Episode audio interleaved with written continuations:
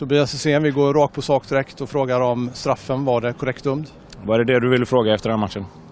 Vi börjar med det för det är det som är omdiskuterat. Ja, okay, ja. Det, antingen så är det så att han fäller mig eller så är det så att jag drar foten i backen. I den farten är det, är det svårt att, äh, att bedöma vad exakt som händer. Det, det som blir i alla fall är att jag tappar balansen och sen vad som händer kan man säkert se på reprisbilderna. Du filmar i alla fall inte? Nej, absolut inte.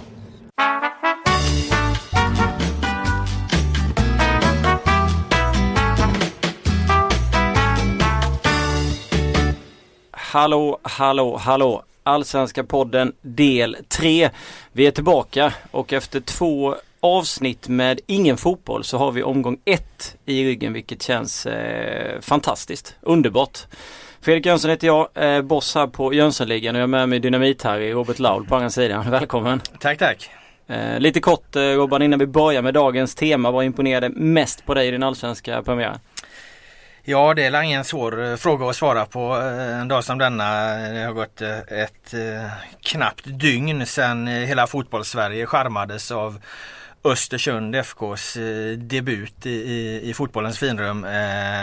Man har ju sett många allsvenska debutanter och nykomlingar. De, de kommer upp och de spelar efter sina resurser och, och de eh, fredar sig med näbbar och klor. Men här klev ju eh, Östersund rakt in på Tele2 Arena mot eh, nästan 32 000 hemmafans och, och tar över fullständigt och spelar ut Hammarby i en halvlek med en, med en fotboll som man har knappt har sett i Allsvenskan tidigare. Det, det, det var historiskt skulle jag säga. Tiki-taka. Slitet uttryck. Eh, de får uppfinna någon, någon Norrlandsterm för det där men eh, Också häftigt att se, se liksom att eh, Norrland eh, är på gång. De är i kapp och på många sätt förbi. Liksom. Det är ju inte bara Östersund som spelar fin fotboll. Nej. GIF Sundsvall visade mot AIK att de tog sig till målchanser genom att, att hålla bollen på backen. Eh, också häftigt att se. Gävle gör sin eh, tolfte raka säsong i Allsvenskan. Det, det, vi ser en historisk geografisk förändring i, i fotbollsallsvenskan. Den största någonsin skulle jag hävda. Det gör att man kommer att tänka på ett annat slitet uttryck som är att fönstret, Norrlandsfönstret inte är stängt. Men vi kan ju åter återkomma till det lite senare. Det har varit eh, en eh, hel del eh, röster utifrån tidigare i podden. En hel del betyg senast. Jag tror vi la en, över en timme på, på betygen i den allsvenska bibeln. Har inte fått så mycket hugg och vi har dag, lagt upp dagens sändning också efter någon slags betyg från 1 till 5 plus klassiskt Sportbladet. Men innan vi går in på det så ska vi välkomna en gäst, Lars Inge Svensson från Folksam. Tack! Hur är läget med dig? Bara bra tack, kul att vara här. Mm. Vad imponerades du mest av om vi börjar där av den allsvenska premiäromgången? Jag såg eh, Östersundsmatchen också och imponerades av deras spel, absolut. Eh, sen var jag inte på plats då men jag har förstått att det var väldigt bra inramning och så kring den matchen också med tanke på det vi kommer att prata om nu då. Exakt, eh, folk kanske undrar lite här nu varför du är här. och jag tänkte att jag låter helt enkelt bollen rulla över till dig så får du presentera ditt case. Ja, eh, Folksam har skrivit en debattartikel eh, som handlar om att vi eh, i grunden eh, älskar svensk fotboll och har eh, ett, lång, eh, ett långt partnerskap bakåt i tiden med, med svensk fotboll. Och, eh, eh Däremot så har vi inlett ett arbete som innebär att eh, vi har, har stämt av en del saker som fotbollen har idag mot våran vision på Folksam. Då. Visionen här hos oss är att människor och våra kunder ska känna sig trygga i en hållbar värld. Eh, och då finns det saker inom elitfotbollen, herrar idag, som vi har, eh, ser att vi inte riktigt kan eh, stå upp mot, mot den visionen. Då, bland annat bengalbränningar och annat bengalbränningar och även, jag har läst lite av i debattartikeln det här med hur man uppför sig på fotbollsmatcher. Vuxna män som står och skriker eh, glåpord och andra saker fram och tillbaka. Ja, det finns ett antal attiraljer in, inom detta som vi, vi har identifierat. Vad säger du Laul? Eh, jag tycker det är, är intressant det här. Eh, den här presentationen du gör här väcker ju givetvis eh, många frågor. Eh, kan du vara lite mer konkret? Alltså vad, vad eh, sätter ni liksom samarbetet med, med svensk fotboll på spel på något sätt om, om inte vissa saker uppfylls? Eller vad är det konkret ni vill, vill, uppnå med, med, med den här debattartikeln? Mm. Börjar vi bakåt i tiden så har vi haft ett fantastiskt bra samarbete med svensk fotboll i väldigt många år. Eh, det finns ju exponeringar av folk som på Råsunda på 50-talet eh, och, och växt fram till ett gott samarbete idag. Vi kommer förhoppningsvis ha ett gott samarbete även i, i, i framtiden. Det vi vill och säger ja till det är en, en fotboll som innebär då stämning, folkfest, drömmar, gemenskap. Eh, lite det som jag tror man upplevde på, på Tele2 igår. Då. Eh, men den, den, ska vara fri från bengaler, knallskott, eh, män med dålig attityd och huliganism. Och det vi har förstått eh, genom att ha gjort lite hemläxa är att eh, mycket lagstiftning och annat är på sin plats idag. Då. Eh, efterlevnaden av lagstiftningen eh, och, och polisiära insatser och så kanske inte riktigt fungerar fullt ut. Eh, men, men det finns liksom verktyg idag som gör att, att vi tror och hoppas att den här säsongen kommer att bli bra. Men vi kommer att ha den här säsongen väldigt tydligt under lupp. För att det, den här säsongen kommer att vara avgörande för på vilket sätt vi kommer att jobba med svensk fotboll framöver. Men kan man ta det här som ett, eh, pratar vi i rubriker om ett klassiskt hot att kanske dra sig ur som sponsor om det blir för smutsigt kring, om man ska använda ordet smutsigt kring fotbollen? Vi, vi, har ju förhoppningen att vi inte ska hamna i den situationen att vi ska behöva ta till hot så. Men, men eh, vi har som sagt var den här säsongen under lupp. vi kommer på ett mycket tydligare sätt än tidigare eh, ha koll på vad som händer på runt våra arenor och också hur fotbollsrörelsen, hur eh, samhället eh, och polis och andra hanterar de verktyg de nu har. Men alltså det känns lite som att, eh, vi pratade lite innan, vi gled in här också, att normalläget är lite annorlunda idag eh, än vad det var tidigare. Att man är mer van vid att det ska vara, att det kommer hända vissa saker bengal inför matcher. och Så Men sen kan ju jag personligen känna att det blir en, om, om man kan liksom göra det på ett sätt så att det blir en trevlig inramning, för det kan det ju bli. Om man har 30 000 och bengaler på ett sätt som liksom pyroteknik som funkar. Eh, så kan det ändå bli en trevlig inramning. Man har ju sett det på andra arenor eh, och man har ju sett att det funkar. Sen är det klart att könsord eh, och annat som står och skriks på arenan, det kan ju aldrig vara trevligt. Nej, vi, har, vi har ju, precis som du säger där, vi har känt att en del av de här sakerna har blivit accepterade som normallägen. Vi, vi ser att eh, spelarna kan ibland, derbyn inte minst, komma in med träningskläderna på för de, de har liksom laddat upp som att det blir en halvtimme sent. Eh, Tv-bolagen har tagit höjd i tablåerna för att matchen kommer att ta, eh, dra ut på tiden. Och, eh, någonstans så, så, blir det ett normalläge och sånt som vi bara för något år sedan reagerade väldigt kraftigt på. Vad tycker du om eh, normalläget Lav? Eh, nej, jag har ju reagerat många gånger på det där och, och, och jag reagerar mest ur det sportsliga perspektivet då att eh, när det blir sådana avbrott så att de sportsliga förutsättningarna eh, förändras eh, så är det naturligtvis inte hållbart eh, på sikt. Eh, det finns ju ingen fotbollsspelare som vill värma upp och sen behöva stå en halvtimme och vänta. Liksom. Det är en ökad skaderisk. Det är negativt på, på precis alla sätt. Och, och det här skyttegravskriget eh, som pågår det, det, det, leder ju egentligen eh, ingenstans. Jag menar, så länge lagstiftningen ser ut som den, den gör är det också svårt att och eh, ha en annan inställning än, än, än, den jag har att man måste få bort de här liksom bengalerna som leder till stor rökutveckling och, och knallskotten som inte tillför något positivt alls. Så där är väl fotbollen ändå, eller fansen ganska enade då. De 99,9 procent de vill ju bara ha väck de här knallskotten. Mm. Det, det, är liksom kids som vill ha uppmärksamhet som, som håller på att kasta runt uh, sånt där. Va? Så att det, det är väl ändå det, det lilla problemet. Men just, uh, just runt bengalerna så finns ju en ganska stark uh, vilja vilja att, att eh, få elda som man vill. Eh, jag tror inte det är hållbart i längden utan eh, man, det, det, måste, det måste ju komma till en nivå där man antingen tillåter pjäser som inte har den rökutvecklingen som, som liksom förstör upplevelsen både för, för åskådare och, och spelare. och, och, kanske ersätta dem med, med någon form av legala alternativ som alla kan enas kring. Men jag menar det här har vi ju tjafsat om i en herrans mm. massa. Jag förstår att sponsorerna eh, Folksam i det här fallet eh, sätter ner foten och, och, och, och, tar upp frågorna. För jag menar de vill ju inte synas i, i, i för negativa sammanhang. Det får inte bli en för, för negativ stämpel runt idrotten.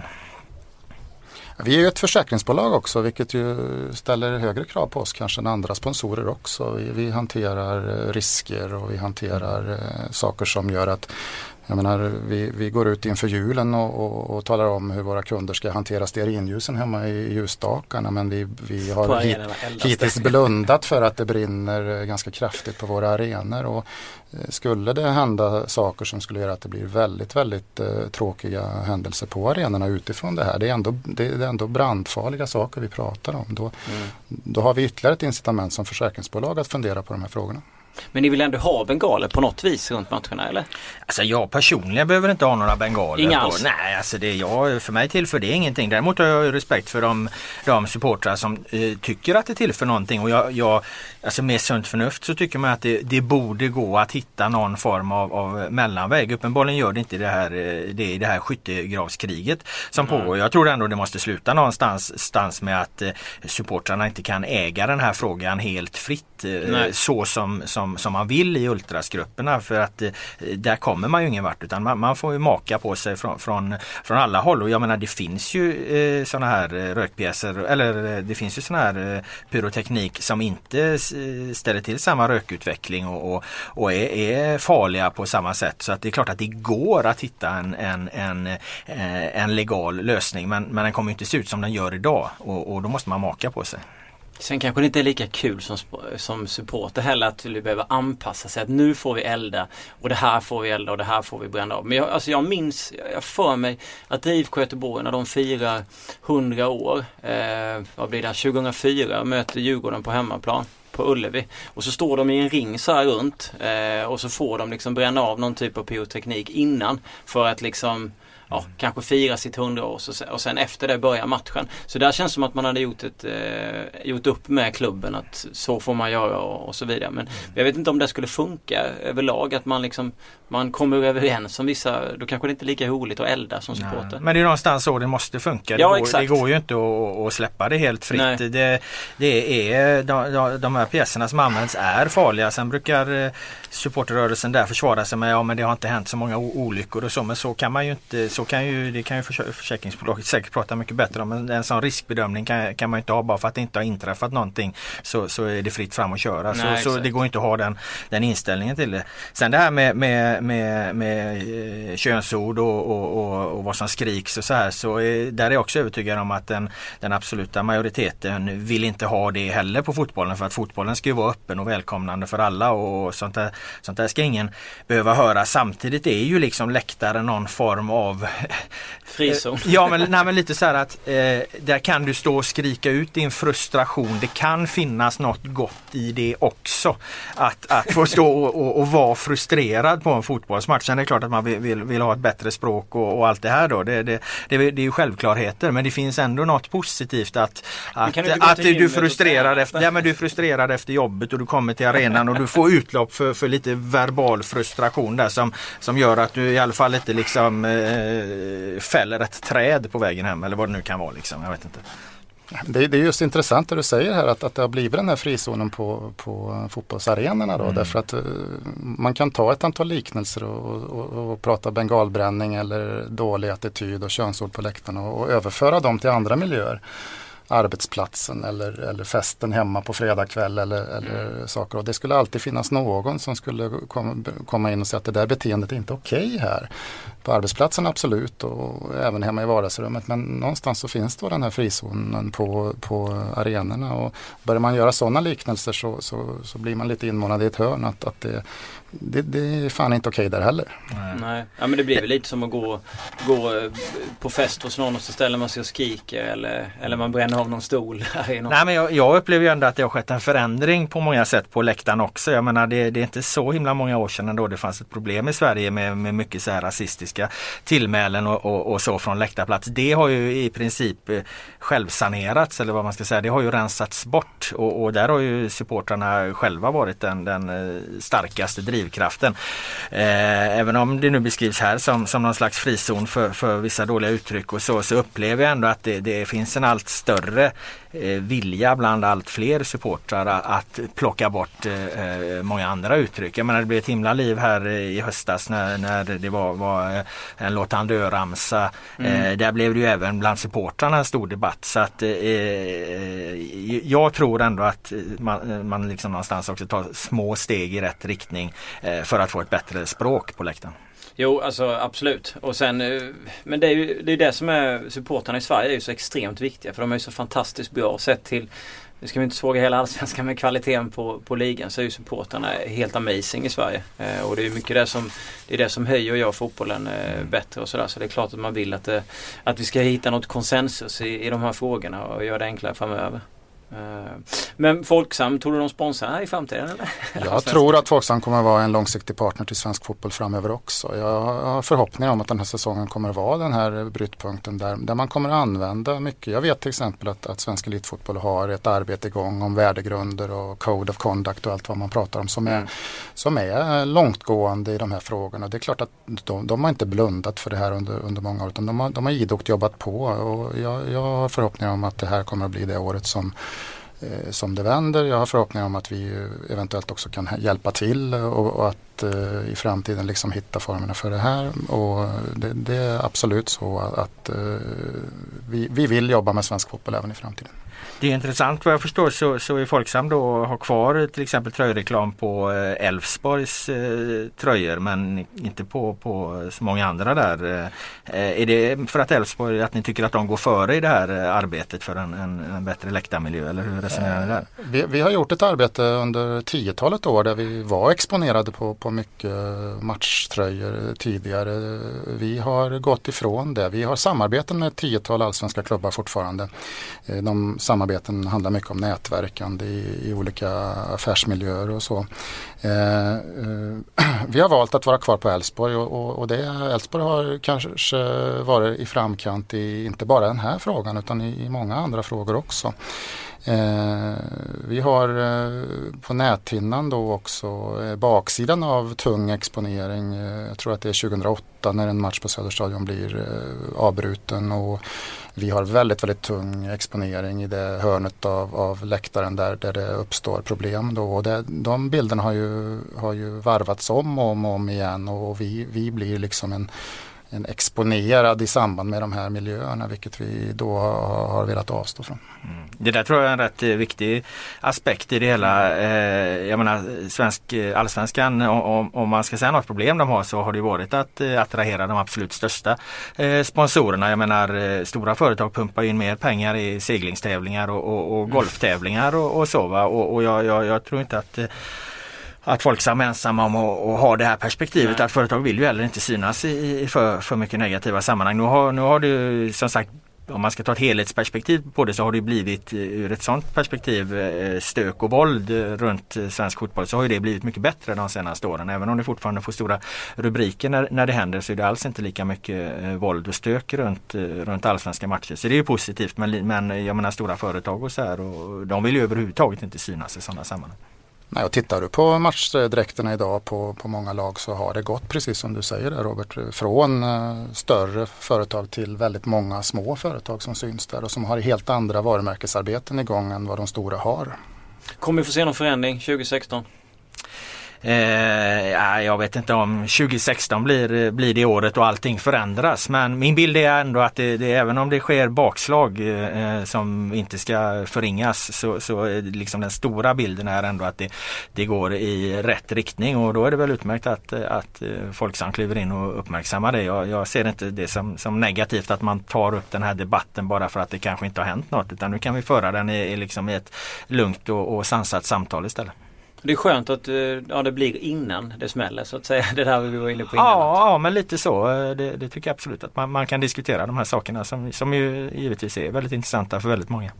Kanske fler företag som också följer efter efter att ni har varit ute och pratat om Vi träffas ju givetvis i olika nätverk. Många stora företag både i Svenska Fotbollförbundets eh, regi och även i, i klubbregi. Då, så att det, eh, det är säkerligen så att det kommer upp samtal om det här. Mm. Eh, slutligen Lars-Inge, vilka vinner Allsvenskan 2016? Eh, får vi säga Elfsborg då så vi får ut bästa exponering. Mm. Fan, nu, nej, nu, nu, nu föddes en sån här konspirationsteori här att Folksam att eh, de är kvar på Elfsborg bara för att vi har en Elfsborg-supporter bredvid oss här. Men, eh, nej, så, ligger jag rätt där? Så är det faktiskt inte. Det, men eh, i min roll på Folksam så ska man vara neutral har jag lärt mig. Så att jag, mm. du, du kommer inte att kunna avkräva mig vilket lag jag håller på. Ah, okay. Det kanske är bra annars om man hade sagt något lag så kanske man hade blivit av med, med några kunder för de hade hållit på något annat. Det vet man ju aldrig. Eh, tack så du för att du kom hit. Vi hoppas tack. att Allsvenskan ser, eh, vad ska vi kalla det, renare ut. Kan vi kalla det? Finare ut 2016 än, än tidigare. Tack. Kanon! Bra, ja, intressant. Ja, Jättebra. Ja, det blev kanon. Ja, absolut. Bra samtal. Ja, ja visst var det? Det kändes lättsamt. Vi, ja, bra. Ja, men det finns ju en poäng i att ta frågorna, inte alltid.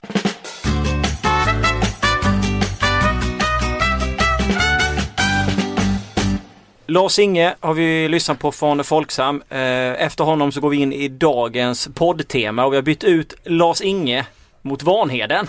Jag bara fortsätter bara pumpa Jönssonligan. Ja, jag tycker att det, ja, det smickrar inte dig att komma med den typen av eh, med jämförelse helt enkelt. ja, du gillar inte det Boman. Du kommer rätt in i podden och är förbannad. Jag har lite ont i halsen. Jag var, eller jag har tappat rösten lite. Jag var på Östersund, Hammarby, eller Hammarby Östersund igår och det var en sån fin upplevelse så att rösten nästan försvann. Men det här med dina, dina eh, Jönssonliga-referenser här, alltså känner våra yngre eh, lyssnare ens till eh, Jönssonligan? Nej men jag tycker att man kan De, de, de kollar på vad heter den lilla Jönssonligan och, ja. och sådär va, i och för sig. Men, jag hade en kompis som smsade och sa hur självgod är en människa om man döper podd till Jönssonligan? det var inte jag som döpte den till Jönssonligan. jag vet. det var ju på annat håll. det var absolut inte jag som bestämde den här bilden. Det får man ta med en annan eh, kollega här inne. Men hur som helst så behöver vi en hashtag till den här eh, podden och jag har ju varit inne lite på att det ska vara Jönssonligan. Så har ni, har ni ingen bättre idé så kommer det bli det. Ja men vad fan om nu, program, om nu programmet heter Jönssonligan ja. så, och inte 51% alltså, fotboll, det fantastiska är, namnet så, så får det vara hashtaggen det också. Den heter ju Allsvenska podden men jag tänkte att det är bättre med Jönssonligan. Det är också jävligt pikt. Ja. men vadå, eh, Sportbladet tar NHL-podden, vi har Allsvenska podden, vi har Premier League-podden. Liksom, vi visar att det finns bara en podd. Du skrev det själv Lau på Twitter att det finns bara en podd man ska lyssna på. Det är Allsvenska podden. Jag har skrivit det också. Ja det har du gjort. Eh, hur som helst. Eh, vi har varit inne på att eh, det ska finnas ett tema här och det blir ett plus-tema. Eh, där vi går från 1 eh, plus till 5 plus. Mm. Och vi börjar med 1 plus givetvis. Och det handlar ju om eh, AIKs målsättning och AIKs premiär mot GIF Sundsvall. 1-1. En match som Per Boman var och tittade på. Ja det var jag, det var jag. Ehm, det är ju, alltså, vi har ju ganska ofta pratat om att Norrlandslagen spelar en fin fotboll och det gjorde Giffarna redan förra året. Spelade mm. ganska svår fotboll, inte Östersund svår men svår. Mm. Ehm, en innermittfältare faller ner mellan mittbackarna, Stefan Silva går ner och liksom fördelar boll på mittfältet och det såg kontinentalt och fint ut från Sundsvall. Mm. Och AIK hade egentligen ingenting att sätta emot den första halvlek, de kunde inte pressa Sundsvall alls. Ehm, men ska vi prata om matchen eller ska vi prata om AIKs målsättning i första hand? Ja, målsättningen är ju det som är ett plus. Matchen var väl inte heller Men om man säger någonting om, om matchen mer. Jag, jag, tror att målsättningen som, har, som Andreas Alm har på sig att han ska, måste vinna guld. Det gör att han tar annorlunda beslut ibland. Till exempel att stoppa in tre stycken helt otränade spelare i startelvan. Dixon Etoho, Dene Avdic och eh, Stefan Ishizaki var egentligen inte redo att spela allsvensk fotboll på den här nivån just nu. Ändå så väljer Andreas Alm att spela dem. För att han vill ha snabba resultat, för att han måste få snabba resultat. Och jag kan förstå den tanken och sympatisera med den tanken för han är ju satt under en extremt hård press. Men det föll helt enkelt inte väl ut för att det såg oerhört lojt ut i matchen tycker jag i alla fall. Ja, det blir ju en, eh, en oerhört märklig situation av, av, allt det här. Speciellt om det är som du säger här då att hans, hans eh, att han någonstans agerar kanske mot eh, någon egen övertygelse. Ja, jag antar att han vill ju hellre ha ett långsiktigt eh, perspektiv och en långsiktig utveckling. Eh, och, och, genom att ta de här besluten då så så blir det ju inte det och, och det, det, innebär ju någonstans att det skapas en snabbare frustration bland supportrarna och, och, och i just AIK som redan har det här oerhörda eh, trycket på sig är det ju så oerhört märkligt att sätta denna målsättning ett år då Malmö har 500 miljoner på banken och, och AIK har, har 30 miljoner. Det, det, är ju inte logiskt någonstans att just i år kräva ett guld. Det enda laget som kan göra det är ju Malmö FF för det är också det enda lag där, där att inte vinna guld skulle vara ett misslyckande. För AIK tycker jag till exempel en andra plats skulle vara en jättebra placering. Ja men vi har ju skrivit om det här ganska mycket på, på Aftonbladet om den här målsättningen att jag nämnde till exempel, jag tycker att det är en, en målsättning som bara ett barn gör liksom. Det, men den är inte det, frisk. Nej men det är ett barn som argumenterar så, det var länge sedan vi vann guld, jag vill vinna guld, mm. därför kräver jag guld. Alltså det finns liksom inget, man måste ju ta det, man måste ju ta alla förutsättningar i beaktning. Man kan, som, som Laul sa med Malmö och så vidare. Man, men det, Chelsea kräver inte guld, Arsenal kräver inte guld. Nej. Barcelona gör möjligen det och AIK då. Ja. Så det blir ju, det blir bisarrt helt enkelt. Och sen får det massa följdeffekter också då. Om jag förstår efter matchen så, så ägnar ju sig Andreas Alm åt något slags eh, kallt krig här mot styrelsen då där han liksom i, i uttalandena, nu var inte jag på presskonferensen, du var där Boman, du får svara om min känsla är rätt eller fel. Men alltså att han, han lägger in det här, han lägger lägger in små stick kring det här eh, eh, eh, när han svarar på frågor. Små stick mot styrelsen och det är ju heller ingen sund eh, relation att ha. Eh, här känns det som att här, här måste AIK nästan ut och, och, förklara. Ska de ha det så här? Ska Andreas Alm sitta på, på varenda presskonferens här nu i, i 29 omgångar till och, och, och påtala att, att han känner sig motarbetad av den här målsättningen? Ja men det är väldigt tydligt. Under hela vintern så har, har jag pratat med Andreas Alm om den här målsättningen som har skiftats fram och tillbaka hela tiden. Först var det liksom, nej först var det rykten om att det var guld som gällde, sen tog sig tillbaka, sen skulle de ta en titel, vilket var Svenska Kuppen eller Allsvenskan eller Europa League-gruppspel och sen ändrades det igen någon vecka innan seriestarten till att de var tvungna att ta guld. Och Andreas Alm har varit extremt irriterad på det här hela tiden och som Laul säger konsekvent i intervju efter intervju liksom pikat styrelsen mot det här. Inte mot målet i sig säger han utan att han själv inte fick vara med och ta del eller och sätta målet. Nej. Han fick inte jobba fram det trots att han är utbildad till att göra det. Och då ska istället ett gäng lekmän i styrelsen göra det och det tycker han då är, är orimligt. Och det, det håller väl de flesta med om. Men jag tycker att eh, det, är, det är som Lau säger, det är lite av en ohållbar situation att för att, för att Alm är ju ingen människa som backar direkt han, han, bara, han skruvar på den här konflikten allt hårdare och allt mer intensivt så att det blir, eh, det blir en märklig stämning för alla inblandade. AIKs styrelse, de säger själva nu och vdn att nej men det är inte guldet som är målet. Samtidigt så säger han det konstant hela tiden att det är ett krav. Så vem ska man, det är klart man måste lita på, på tränarna om han säger att ett guld är krav om han upplever att det är kravet. Ja annars måste ju styrelsen gå ut och förklara. Så vi, vi pratade om det här i, i, eh, när vi rundade av eh, första avsnittet på, i Allsvenska podden. Jag berättade ju, jag hade pratat med Björn Björn Westrum och han sa väl i podden där att eh, det, det, är skandal om inte Malmö FF vinner. Han står och säger att det är skandal om inte Malmö FF eh, vinner. Och så samtidigt så är hans tränare har kravet att vinna allsvenskan. Alltså det känns ju, eh, jag vet inte, jag får inte ihop det. Hur kan det, hur kan det vara så i, i en klubb som AIK liksom? Nej, det är ju det som är det dysfunktionella i det här att ja, de på något sätt spelar mot, mot varandra. Hade, eh, eh ett normalt, eh, eh, en normal situation hade ju varit att de talade samma språk. Ja, men, men nu kommer det alltså olika budskap från olika aktörer. Det, det, det bevisar ju någonstans att här drar man inte åt ett och samma håll exakt hur man ska göra saker och ting. Ja det känns mest som en intern maktdemonstration från styrelsen. Mm. Så antingen, antingen är, styrelsen, vill, är styrelsen barnsliga och kräver en titel eller så vill de ha bort Alm till vilket pris som helst, vilket de kunde gjort redan i vintras. Ja, absolut. Så vilket av skälen så, så, är, så låter det, känns det bara dumt och ovärdigt en storklubb i Allsvenskan tycker jag i alla fall. Ett plus får ju AIKs eh, målsättning då. Om, om vi skulle göra så att vi höjer några spelare i AIK. Eh, eller för den delen i Sundsvall. Boman som du, var, du som mm. var där. Om du ville dela ut några högre plus, vilka skulle du ta? Ja, alltså i Sundsvall så var Runamar Sigurd, Sigurd Jonsson eh, helt överlägsen. Mm. kombinerade fint med Stefan Silva. De varierade vem som tog löpningen in, i, in i, i straffområdet och vem som, vilka som droppade ner och fördelade boll liksom. Jag tycker att Sundsvall var precis så fina som man hade väntat sig även för de kanske inte orkade riktigt hela matchen. I, i AIK så Carlos Sandberg var såklart en jätteviktig injektion och verkar redan nu vara den den bästa anfallaren i, i AIK vilket säger ganska mycket om, om eh, standarden på de andra just nu.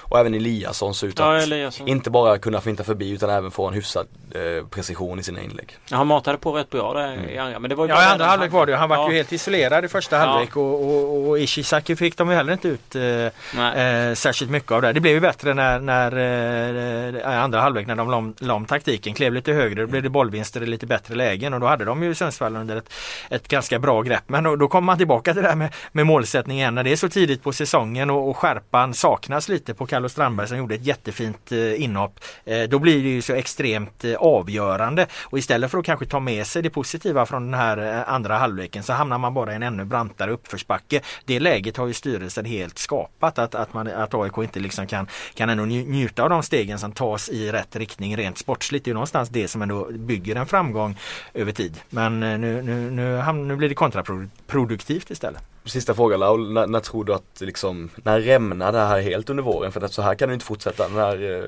Nej, det beror ju på, helt på resultaten. AIK har ju ändå en sån grundstark trupp på något sätt så att det, det, det skulle förvåna mig oerhört om de klappar igenom helt. Jag tror att de, de kommer ju hänga på i toppen här. De kommer att ta sina poäng.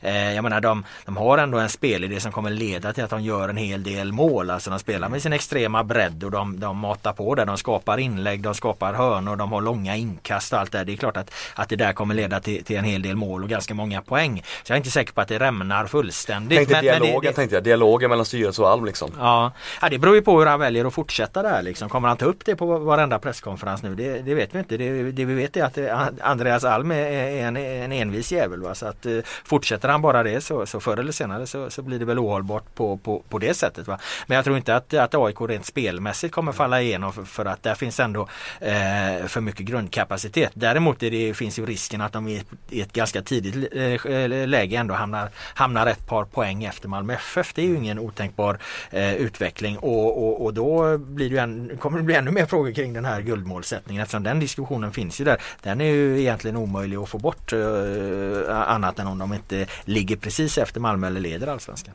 Eller vilka som nu leder. Ja, på upptaktsträffen sa han till mig att eh, ja, ligger vi efter redan efter ett par matcher, ja då tror jag att jag får gå. I princip sa han så. Så att, ja, vi får se vad som händer.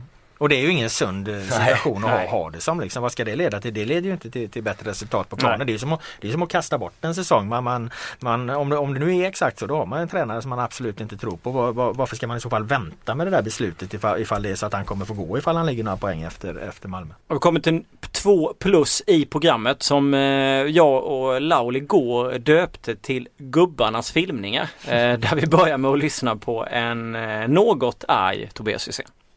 Tobias Hysén, vi går rakt på sak direkt och frågar om straffen var det korrekt dömd? Var det det du ville fråga efter den matchen? Vi börjar med det för det är det som är omdiskuterat. Ja, okay, ja. Det, antingen så är det så att han fäller mig eller så är det så att jag drar foten i backen. I den farten är det, är det svårt att, äh, att bedöma vad exakt som händer. Det, det som blir i alla fall är att jag tappar balansen och sen vad som händer kan man säkert se på reprisbilderna. Du filmar i alla fall inte? Nej, absolut inte. Jens Fjällström kallar ju det ett, ett svandyk så att, vad tycker du om det? Ja, det får ju han stå för. Vi vann matchen och åker härifrån med tre poäng så det är det som är viktigt. Vad betyder det för dig personligen att få en sån här start på säsongen? Eh, det är jätteviktigt såklart. Det är alltid kul att få göra mål och, och som forward så, eh, så är det viktigaste någonstans att producera. Det är det jag är här för och det är det som, som alla förväntar sig. Så det är klart att det är skönt att göra det med en gång. Som du precis hörde där så eh, Tobias Hysén är inte så glad när han får eh, frågor om situationen som ledde fram till straffen där IFK Göteborg eh, gjorde 1-0 mot Falkenberg. Och för att reda ut eller få liksom en, en analys eh, från en eh, kunnig man så ringde vi upp domarbasen Bosse Karlsson. Välkommen! Tack för det! Hur står det till med dig? Det är bara bra. Härligt vårväder. Ja, fint. Och så kallar jag dig ja. för en kunnig man också. Det måste kännas skönt. Ja, jag, jag slog en parentes om det. vad, vad säger du om situationen med Tobias Hysén när IFK Göteborg får straff mot Falkenberg? Alltså jag satt ju i TVn hemma och, och tittade på det där och var ganska säker på straff i situationen när det hände i realtid. Och det tror jag alla var som var på idrottsplatsen. Det var ingen som reagerade för någonting annat. Och då är det ju den eh, delen som domaren måste döma utifrån. Mm. Sen visar man upp repriser och i slow motion, det är eh, kan många tro att det är det sanningen man ser, men eh, det är mycket som förstärks i slow motion jämfört med den eh, normala eh, farten när det, när det händer. Och domaren dömer ju ja, det som sker i realtid. Och jag kan inte se att domaren i det läget kan ha ett annat val än det han gör, att döma straffspark. Eh, men Bosse, Robert Laul här. Tycker du att eh, eh, Tobias Hysén lurar domaren så som han agerar? Alltså någonting sker ju med hans fot. Det kan man ju se i slow motion, men det kan man aldrig se i realtid. Finns inte en chans. Och jag tror inte Tobias Hysén försöker lura någon i det läget så som kroppen reagerar på han. Ja, jag tror inte det. det jag vill inte tro det och jag tror det inte. Det, det jag också tänker på när jag ser den situationen så, så Eh, även om det inte sker en direkt kontakt. Men eh, målvaktens arm kommer liksom i vägen ja. för spelaren och spelaren liksom måste eh, ändra sitt rörelsemönster för att komma undan. Då, då ska det väl ändå räknas som ja, ett regelbrott? Precis. Och det är ju lite den som man kan jämföra med den Rosenberg hade också. Där Andreas Johansson kommer med ganska hög fart och kommer in i situationen och, och liksom eh, situationen skrämmer motståndaren. Ehm, en annan grej eh, Bosse, Per Boman här, eh, Otto Martler, eh, Falkenbergs målvakt, sa efter matchen att han, han känner att stora spelare och stora namn eh, men ganska ofta får en typ av fördel på fotbollsplanen just för att de har den respekten med sig. Är det någonting som, som du liksom kan känna av som, som domare eller som domarbas? Ja, den, den delen är jag ju van vid. 34 år som jag har varit på eliten nu. Så det är ju varje år så kommer ju den diskussionen. Och den blir ju lätt, eh, ska vi säga så här, att det behövs bara en situation för att det ska bli en sanning varje år. Man letar upp det, man söker det, att de får mer. Men kan du fråga de stora spelarna i världen, eh, Ronaldo och Zlatan Ibrahimovic.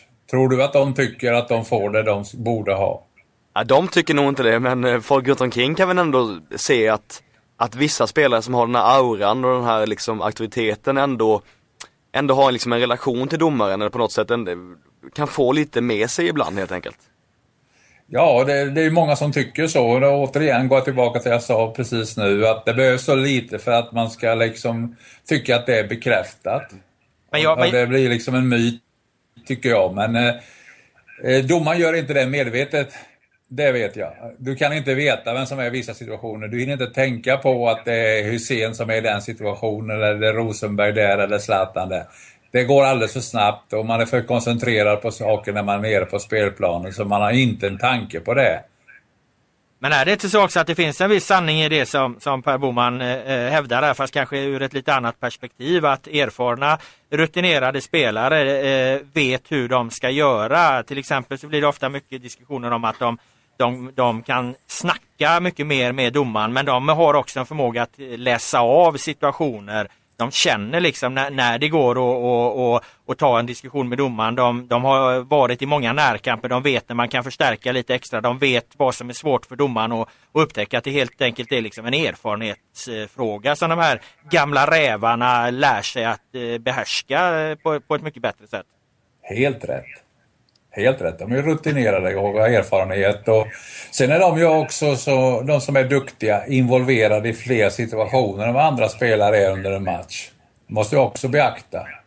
Och det är ju de ofta som ska avgöra matcher och, och är, är liksom uttagna och kontrakterade för att göra det. Och då är de ju mer involverade i spelet och är mer sedda av alla, både åskådare och, och, och allt som är på en fotbollsmatch.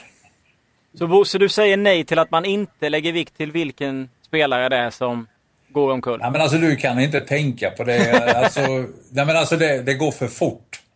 Alltså då har du en kontring och det är en mot en situation kanske du hinner se vem det är men i ett spel utanför straffområdet, en snabb passning, inte har domaren en tanke på vilken spelare det är. finns inte en chans. Vi har ju det här exemplet förra året när Anders Svensson vill ha frispark mot IFK Göteborg och säger att han aldrig mer vill se Jonas Eriksson efteråt. Då kan man ju tänka sig att de har en ganska lång... Eh, alltså det är många matcher han har blivit dömd av honom och så vidare men trots det får han inte med sig den här frisparken och så säger han att han aldrig mer vill se honom. Så det går ju emot det vi sitter och antyder här. Nej, jag tycker tvärtom att det, jag tycker tvärtom att det tyder det på att det finns någonting. Det är mest frustration från Anders Svensson. Han menade inte så mycket vad han sa utan det var väl eh, mycket känslor just då. Ja, men ja. Ja, var inget. Nej, Bo, Boman började prata precis som att, att det tydde på att det var åt andra hållet, att han var van vid att få en frispark. Det var du Ja, jag menar att Anders Svensson är så van kanske att, att, att domaren lyssnar på honom och, ja. och, och, litar på honom liksom och när han inte får med sig det så kanske han blir ja, skogstokig helt enkelt. Mm. Mm. Vad är... Mycket känslor på plan. Du kan väl, eh, du som är mest kunnig i ämnet, vad är det ni tittar på eh, som är viktigast här i, i Allsvenskan eh, den här säsongen? Jag tror vi har visat det första omgången att vi vill ha bort de här, ehm, eh, ja, som vi kallar mobbing av domare, när man vid ett beslut eh, som går emot sitt lag rusar upp fyra, fem spelare runt domaren och, och börjar rent ut säga tjafsa och hålla på. Det vill vi ha bort. Och det tror jag alla åskådare också vill eh, slippa se under en fotbollsmatch. Få det lite mer, eh, bättre arbetsmiljö för domarna för att ta bättre beslut så man får vara i fred. Och det tycker jag de har stått upp bra första omgången och nu gäller det bara att vi visar att vi menar allvar och håller på. Annars, så, annars är det förlorat år igen när det gäller de frågorna och det där kommer vi att se även till sommarens EM att eh, det här måste eh, bort från fotbollen. Och sen är den här Domarnas auktoritet är borta, deras, integritet, deras integritet måste skyddas. Målchansutvisning eh, ändras också. Eller? Det blir det ju. Vi, vi, eh, första juni är ju datumet där reglerna ändras. Så att det blir ju ändrat till EM. Och det finns mer äh, grejer som kommer att ändras. Det exempelvis äh, när en spelare blir skadad och, och det delas ut ett gult eller rött kort så behöver inte den spelaren lämna spelplanen som det har varit innan. Och då är det laget tjänat på att man har gjort en ojusthet. Det kommer att ändras och sen då det här mål, eh, som ni sa, men det kommer inte att försvinna helt utan det är bara när det liksom är ett, ska vi kalla det, normalt spel av en målvakt eller en försvarsspelare. Då ska det stanna vid varning och straffspark. Och när vi gör det, det bestämmer förbundsstyrelsen. Domarkommittén kommer att lägga ett förslag att ändra i Sverige på elitfotbollen efter EM-slutspelet. Mm. Ja men det är kanon Bosse, då har vi ju full koll här. Eh, antar ja, att vi bra. kan eh, ringa upp och tjafsa mer domarsituationen med dig senare. Du är välkommen när som helst, inga problem. Tack så Desto mer vi får ut om domarfrågorna desto bättre miljö får vi. Så länge det inte är för negativt eller? Ja men det ska ut det också, det är inte det jag säger. Det ska ut när det är fel, då är det fel. Men när det kan diskuteras att vi släpper ut tio domare i samma situation och det blir 5-5, då måste vi förstå det beslut som tas. Men när det är helt fel, då ska det också ut. Ingen tvekan. Ja. Tack så du ha Bosse! Tackar själv! Ha det bra! Hej då! Bra, hej! Där hade vi alltså Bosse Karlsson, domarbasen, om situationen. Eh, det jag tänker på annars eh, just runt eh, Tobias Hysén och det är ju att han blir så extremt förbannad när Wagner frågar om honom. Ni håller inte med mig? Jo, det är absolut. Eh, det hör man ju tydligt att, eh, att han blir. Det var, var lite oväntat. Han brukar ju inte ha några problem att och eh, ta frågor vad, vad det än gäller. Så att lite överraskande att han, att han ser det så himla negativt faktiskt. Det är ju fan Glenns pöjk. Glenn är ju alltid fyra plus och så blir Glenns pöjk förbannad för en sån fråga. Han har varit med så länge så han borde väl veta att den kommer. Ja exakt men han hade nog fått den frågan av fyra, fem personer innan Wagner ställde frågan. men det är ju inte var... Wagners problem, han måste göra sitt jobb. jo jo, men jag säger bara att det finns förmildrande omständigheter. Ja, okay. Och jag tycker inte att Tobias Hysén är som Glenn Hysén i övrigt. Alltså, alltså det, de, är gan, de är ganska olika. Vem fan är det? ja, exakt. Nej men det, det, det, är klart att Tobbe ska klara de eh, frågorna på, på ett annat sätt kan jag tycka. Sen eh, de här kommer ju extremt tätt efter match. Det är väl möjligt det som är den, möjligen det som är den förmildrande omständigheten då. Men eh, jag menar även spelarna vill ju ha en stor mediebevakning runt, eh, runt fotbollen och, och, och han bör, ska ju förstå liksom att det, är det en sån omdiskuterad situation som många reagerar på då, då får han ju ställa upp och svara på det. Jag gillar båda två, ska jag bara ja, understryka. Jag tror att han var sur för att jämföras, att han jämfördes lite med Marcus Rosenberg också. Att han, menar, ja. han menar att han är inte lika stort svin typ. Alltså att det var det som var liksom ja, Det var ju det absolut roligaste i, eftersnacket faktiskt, att han reagerade så jävla starkt på, på, på den jämförelsen. Eh, jag menar vad fan bli jämförd med Marcus Rosenberg det, det skulle jag säga ja, ja, en ära ju. En fantastisk eh, verkligen. fotbollsspelare. Vad säger vi om den situationen? Ja, det är sok, solklar straff tycker jag. Även om han hoppar undan. Vem hade inte hoppat undan om någon kommer som ett godståg rakt in i en med utsträckta dobbar liksom? Ja, nej jag tycker också den är solklar och framförallt så finns det ju absolut inget att snacka om vad domaren agerar där i den extremt snabba situationen. Det hade blivit straff i varenda, varenda liga världen över. Vi har rätt ut eh, eh, Sandviket men alltså det hör väl till det här att utnyttja situationer som en fotbollsspelare. Ja jag är inte, jag har aldrig varit särskilt, alltså jag vill inte vara sån som liksom pratar om att man är kontinental och man gillar och liksom eh, filmningar på grund av det. Men jag tycker att, som Laud ofta har skrivit i sin blogg, att det är en, det är en del av spelet för en anfallare att, att, att på något sätt försöka få någon typ av fördel när han hela tiden blir dragen i tröjan, när han hela tiden blir nedtacklad, när han hela tiden blir bortskuffad så måste de också kunna få eventuellt förstärka lite ibland för att få en enkel frispark. Ja det är ju anfallarnas sätt liksom mot eh, försvararnas osynliga tröjdragningar som, som heller aldrig syns men det blir ett väldigt stort fokus på det. Jag tycker det är skillnad på, på, på filmning och, och, filmning eller filmning och förstärkning då. Det här med att liksom spelare rullar runt och låtsas vara skadade. Det, det irriterar jag mig också på. Det är ju, det är ju rent trams. Mm. Eh, när man förstärker i sådana här eh, 50-50 situationer eller vad man ska kalla det. Det blir jag eh, genuint aldrig särskilt upprörd över utan jag ser det som en, en, en helt naturlig del av, av, spelet. Jag tycker inte det, det, det stör inte mig på det sättet. Däremot när man liksom låtsas vara skadad men det har vi ju tack och lov inte så mycket av i, i allsvenskan och, och, och det är skönt för det, det, det är ett rent bedrägeri. Det, det tycker jag man kan fördöma hårt.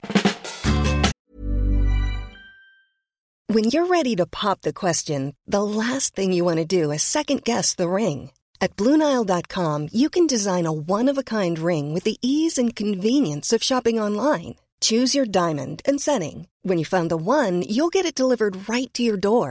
Go to Bluenile.com and use promo code LISTEN to get $50 off your purchase of $500 or more. That's code LISTEN at Bluenile.com for $50 off your purchase. Bluenile.com code LISTEN.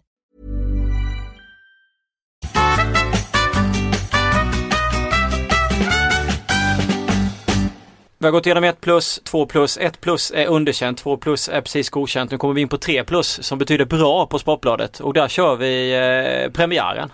Malmö FF, IFK Norrköping, ett eh, mästarmöte. Ja, Malmö vinner den med, med 3-1 utan att eh, för den skullen, eh, utan för den sakens skull imponera enormt. Så det är väl just bra. De går in direkt, hamnar i underläge mot fjolårsmästarna, reser sig och vinner till slut hyfsat komfortabelt med, med 3-1. Någonstans är det en, en styrkedemonstration och vi vet också att det finns väldigt mycket mer att, att förvänta sig av Malmö. Jag var ändå imponerad av eh, IFK Norrköping ja, i början av Ja det var alla, det var alla. Märkligt att, att, att Malmö, första halvlek. att Malmö inte lyckades eh, Alltså det är, ju, det är ju klassiskt det att, att, eh, att, att IFK Norrköping flyttar upp sin högerback, äh, vänsterback är det väldigt högt upp mm. och låter Traustason äh, löpa in i mitten mm. och ha en helt fri roll. Ändå lyckades inte Lewicki och den nya dansken stänga av honom alls utan han fick röra sig ganska fritt där och fördela vidare och köra instick och sånt. Och, och, och Malmö var ju extremt, eh, ska säga, han hade extremt långt lag i den första halvleken. Det var, ja. Och det var framförallt, framförallt, jag tyckte alla gillar ju dansken. Alltså jag, jag, säger dansken just för att jag inte vill säga AC. Jag, jag glömmer alltid bort vad det är AC eller CH. Det, det, det är AC. Det, Kör AC. Ja det är AC, är ledsen för det. Ledsen för det AC. Men, jag, men, eh, men, men eh, Lewicki tycker jag, Lewicki tycker jag hade svårt för, för bassinspelet. Ja. Återigen, det har blivit lite mode att, att liksom ja, det, att, ja, det har det. Att, att pika Lewickis ja. passningsspel den senaste tiden så därför vill man egentligen undvika det. Men jag mm. tycker att han, han, han visade återigen att han, att han um, är lite ovårdad fortfarande i passningsspelet. Ja, och det blir lite så när det ser ut som det gör också så måste han ta en högre risk. Egentligen känns det som ibland och då blir det inte alls så bra. Jag tycker inte han borde göra det. Han har ju massa Nej. spelare som kan ta större, ja. större risker runt omkring Då kan väl han lugna ner sig lite. Om han har Ado med sig så kanske han, så kanske han kan spela lite med högre risker. Men om han inte men har Ado det så... kommer ju förmodligen inte spela en fotboll enligt Daniel Andersson. I... Jo då, Ado kommer tillbaka tror jag. Det tror jag. Ja, men eh, jag vänder nästan lite på det ändå. Det, det är premiär och, och, de har ju en otrolig press på sig i år, eh, Malmö FF. Alltså, Norrköping har en jävla lyxsituation va. De är mm. Regerande mästare och kan mm. ändå liksom eh, spela, spela helt utan press. Det finns ändå ingen press på, på, på, Norrköping på, på det sättet förutom den, den de själva bär med sig givetvis. Eh, men eh, Malmö FF att på hemmaplan under de förutsättningarna hamna i underläge och ändå lyckas vända på det. Det tycker jag tyder på, på någon slags mental styrka som kommer vara väldigt eh, nyttig för dem. Att, uh, att direkt uh, få, den, få in den känslan. Okej, okay, vi hamnar i underläge. Det där var en ganska tuff situation och vända det till en seger. Jo men det blir ju lite så här storlagsgrejen eh, av att kunna hamna i underläge på hemmaplan och ändå gå ut och, ut och vända. Som ja. du är inne på, man känner lite lag i Premier League som alltid gjorde det men som sen tappade det. Typ Manchester United kunde ligga under och vända och, så, mm. och sen nu ser det annorlunda ut för dem. Och då visar man väl någonstans att man är väldigt, väldigt starka. Ja, trots att man inte vann förut, trots nej, att man kom ja. femma. Liksom. Och de i Norrköping är ju ändå ett, ett, ett eh, samspelt eh, gäng. Va? Det känns som ett topp tre-lag ja, när man tittar på dem i, i premiären. Alltså. Definitivt topp tre. Men vad, vad vad, vad, vad jag tänkte på från den matchen också det är ju Allan Kuhn då, den, eh, tränaren där som alltså inte kollar på eh, straffspark. Gick in i spelargången. Vad fan är det? Ja, men han sa alltså, det var ju, eh, Olof Lund var ju direkt där och sa att det liksom var tveksamt ledarskap och, och tyckte att det var märkligt. Och Kuhn eh, sa ju själv att han alltid har gjort så. Mm. Sedan tiden i Danmark, att han går alltid, det är någon slags eh, Hans förklaring var att det är någon slags, eh, han helt enkelt, vad säger man, han är Ja, eh, skit i det. Han, kom på det. Men, eh, nej, men tveksamt ledarskap det tycker jag i så fall det är väl att dra lite för stora växlar av det. För jag, jag tror inte att eh, spelarna bryr sig så jävla mycket om det där. Däremot bara som fenomen är det ganska konstigt. Det är lite av den här, den här eh, skrockfullheten ja, som kan finnas. Ja. Ja, vidskepligheten ja. som finns inom, eh, inom eh, fotbollen eh, som man ju kan tycka Fan, li, lite, tränare, lite, vad man, lite vad man vill om. Jag tycker mest att det, det är lite konstigt att han ja. gör det. Vad fan, det, det spelar väl varken för eller till. Visst han kan väl få göra det men det, det, det, det är lite konstigt. Citatet var ju roligt sen. Johan Flink intervjuade honom och frågade vad, vad höll han på med liksom. Då sa han att det var, att det var piss det han höll på med och att det var ren idioti om sig själv då. Och han är ju faktiskt, han är väldigt rolig att prata ja, med och lyssna honom, på. Jag gillar honom alltså. Herregud, han eh, känns ju superskön. Men de kanske är lite för öppen. Han kanske, kanske blir bränd sen om, man, om när, han, alltså när han är väldigt liksom ärlig och eh, Ja men han är, han är ju dansk för fan. De, de, de har bara ett läge. Pölsa och Carlsberg. eh, nej men Ol eh, Olof Lund skrev ju sen på Twitter att eh, Allan Kuhn hade ju ringt upp honom. Varit rak, ringt upp och, och diskuterat eh, varför han inte kollar på straffar. Och det måste man ändå tycka rätt skönt att han ändå ringer upp. Det är jätteskönt. Frågan är om man kan upprätthålla den typen ja, av eh, kommunikation un, under en längre liksom. period. Om man blir känd, om, om, man, om, alltså, om, man, om man tar åt sig av att någon säger så och är tvungen att ringa upp journalisten så är det jättefint och mänskligt men jag vet inte om det är hållbart eh, som en arbetssituation. Nej men det är lite Erik Hamrén över den. Ja, samarbetat ja, med Hamrén och Hamrén, ja, Hamrén höll ju också på så i början. Sen så insåg ju Hamrén att det där blir fullständigt övermäktigt och, och försöka kontrollera allt det där. Han ringde upp mig för någon fullständig bagatell någon gång minns jag Hamrén ja. tidigt i hans förbundskaptens karriär. Det var, det var något om Hussein varför han inte hade blivit uttagen som jag hade, hade i någon liksom bisats i något blogginlägg liksom som hade kommit Hamrén till känna. Då ska han ringa upp och diskutera det där. Det där fick ju Hamrén sluta med efter ett tag för han insåg väl att det där tar ju alldeles för mycket onödig energi att hålla på, på, på sådär. Det går ju inte att kontrollera vad allt som skrivs och, och så. Det vill man ju själv göra ibland men det är för, bara på våra nivåer det var ju ge upp och, och, mm. och, försöka sig på det där. Var som allsvensk tränare så går det inte att hålla på och, och ringa upp journalister stup i kvarten. Även om det, det alltså, orkar de göra det så är det väl rätt kul så. Alltså det är inget negativt. De får gärna ringa efter varenda, mm. varenda match och diskutera analysen och komma med inspel och så. Men jag tror att det, det blir jävligt jobbigt för dem som, som individer att hålla på och göra det. Vi har ju sett vad Hamrén och media har, har gått sen, sen han började så vi hoppas väl inte att Allan eh, går samma Nej, jag tror att det, det är inte riktigt, samma, inte riktigt samma press eller på Allan. Nej. Nej, det är lite annorlunda där. Men eh, absolut, eh, 3 plus där. Kliver vidare givetvis.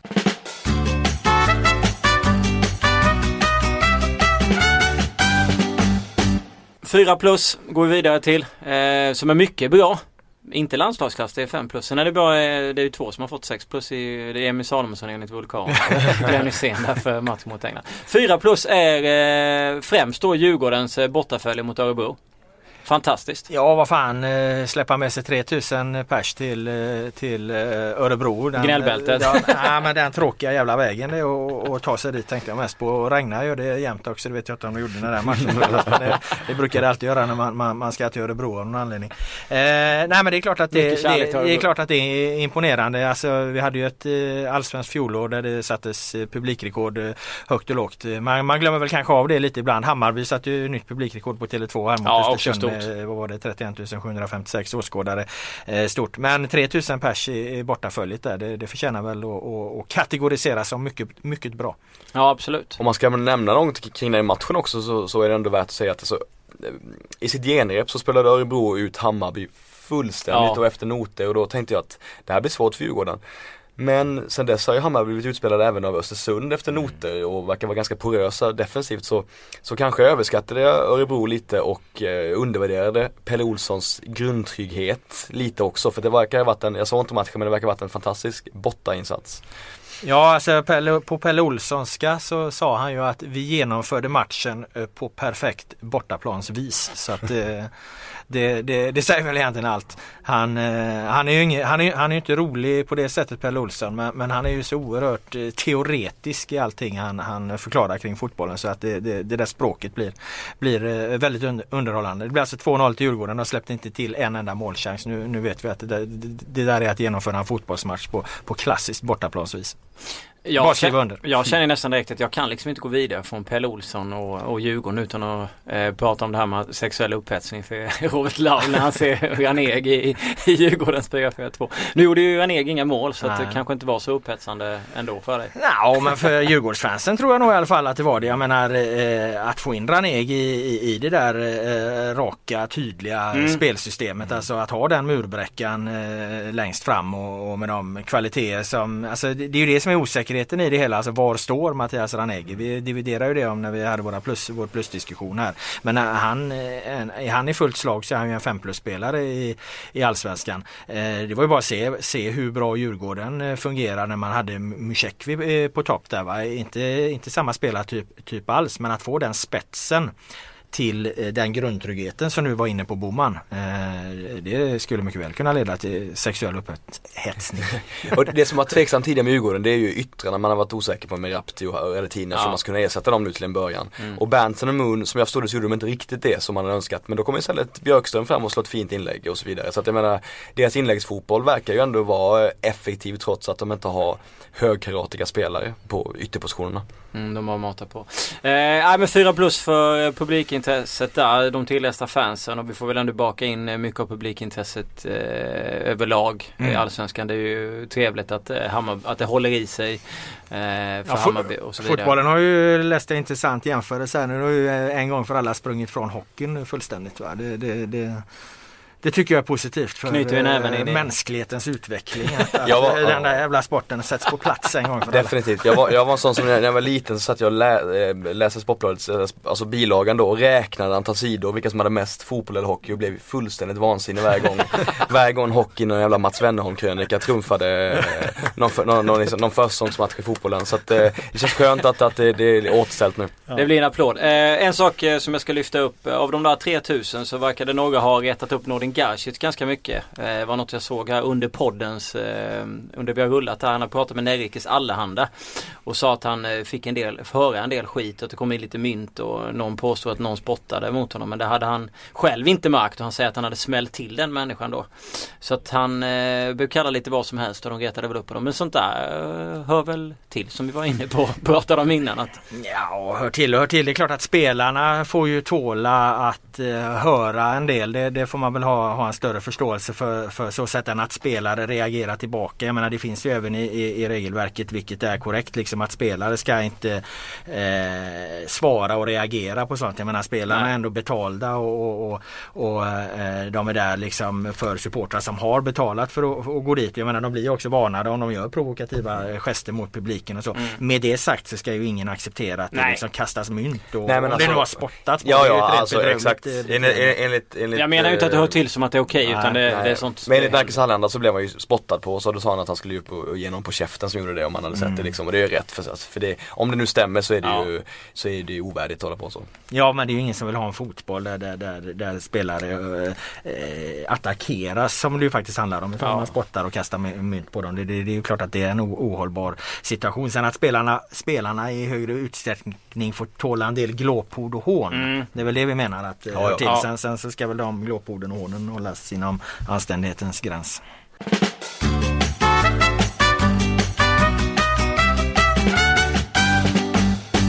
Fem plus. Det är underbart att få sätta fem plus på det här tycker jag. Det är Norrlandsfotbollen, det är Gävle, det är Sundsvall och det är Östersund tippade av Robert Laul sist i Allsvenskan på ett ja, det, måste, det måste vara den enklaste 5 plus eh, grejen vi får här för att eh, alltså de hyllningarna som Östersund väl, välförtjänt har fått eh, här nu. Det, jag var med i lokalradion med, i morse här, Jämtlands eh, nytt eller vad det hette.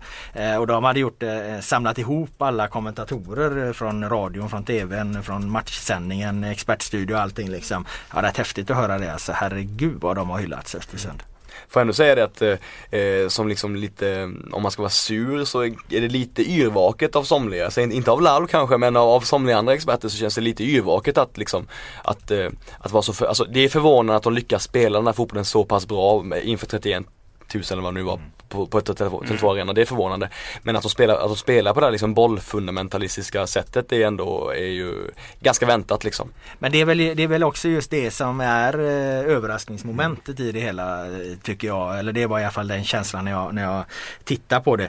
Eh, visst, de, de har gjort det i Superettan, de gör det i träningsmatchen. Men att kliva in då inför den gröna väggen, inför 31 000 vrålande fans eh, och göra precis samma sak. Och dessutom åka på ett, ett eh, baklängesmål på hörna efter en kvart va? och ändå mata på. Det, det är någonstans eh, eh är någonstans det man, eh, man imponeras av att de är inte överhuvudtaget påverkade av, av den situation de, de faktiskt eh, befinner sig i. Det tyder ju någonstans på att det finns en så stor grundskicklighet ändå så att, eh, att det här är ingen slump. Det är så här de kommer agera i Allsvenskan. Ja, stundtals var det helt sjukt när, när, när Nori liksom får boll eh, i felvänd, har tre man som pressar honom. Driver själv ner till straffområdet och slår en diagonal liksom passning igenom tre Hammarbyare liksom till en lagkamrat. De spelar så oerhört svår fotboll. Ja oerhört svår, svår fotboll alltså.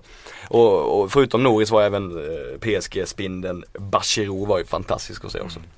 Eh, jag tänkte på det när jag såg Malmö i Champions League någon gång. Att det som var, var, var, var imponerande med det Malmölaget, Malmö presterade som bäst eh, i, i Champions League, det var att det inte fanns någon svag länk då. Satte du ut en hård passning på ytterback så, så klarar de att hantera bollen. Eh, och, och, och, det mönstret gick igen alla elva spelare i laget. De, man klarade, de klarade då att spela en, en en svår fotboll mot riktigt bra motstånd. Eh, där tycker jag också att Östersund imponerade. Alla spelare behärskar någonstans det här sättet att spela fotboll trots att det är eh, väldigt okända namn som inte har prövats på, på högsta nivå på, på många håll. Va? Nej men sån som Mokibi fick inte spela minut i Häcken och så helt fantastisk ut som, som högerspringare trots att han egentligen är mittback tror jag i mm. Östersund. Alex Dyer liksom kan spela på alla positioner. Mm. Helt sjukt. Flyttas ner från mittback eh, till mittback och sen är han anfallare och sen är han offensiv mittfältare och sen är han ytter. Han är ju en slags någon renässansman typ Alex Dyer som, som, som behärskar i princip allting.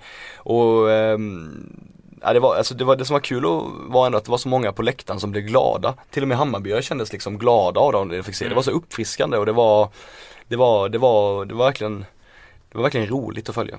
Men hur svårt kommer de ha att kunna äh, återuppehålla det här, den här typen av spel en hel säsong? Kommer man kunna göra det även om det börjar liksom bli hack i det när man möter lite andra lag? Nej men det är klart att ett så mötte de Hammarby ju som eh, du var inne på Oskar, äh, Oskar äh, Per, äh, Oskar Månsson alltså var nog säga äh, Nej men som Hammarby som varit utspelade av, av, av Örebro då i, i träningsmatcher så och sen är det klart att lag, motståndarna kommer ju lära mm. sig Östersunds ja. svagheter. Jag menar herregud vad sårbara de är på mm. hörnor till exempel. Jag menar tänk nu när AIK kommer upp där och, och, och, och ska möta på torsdag. Va?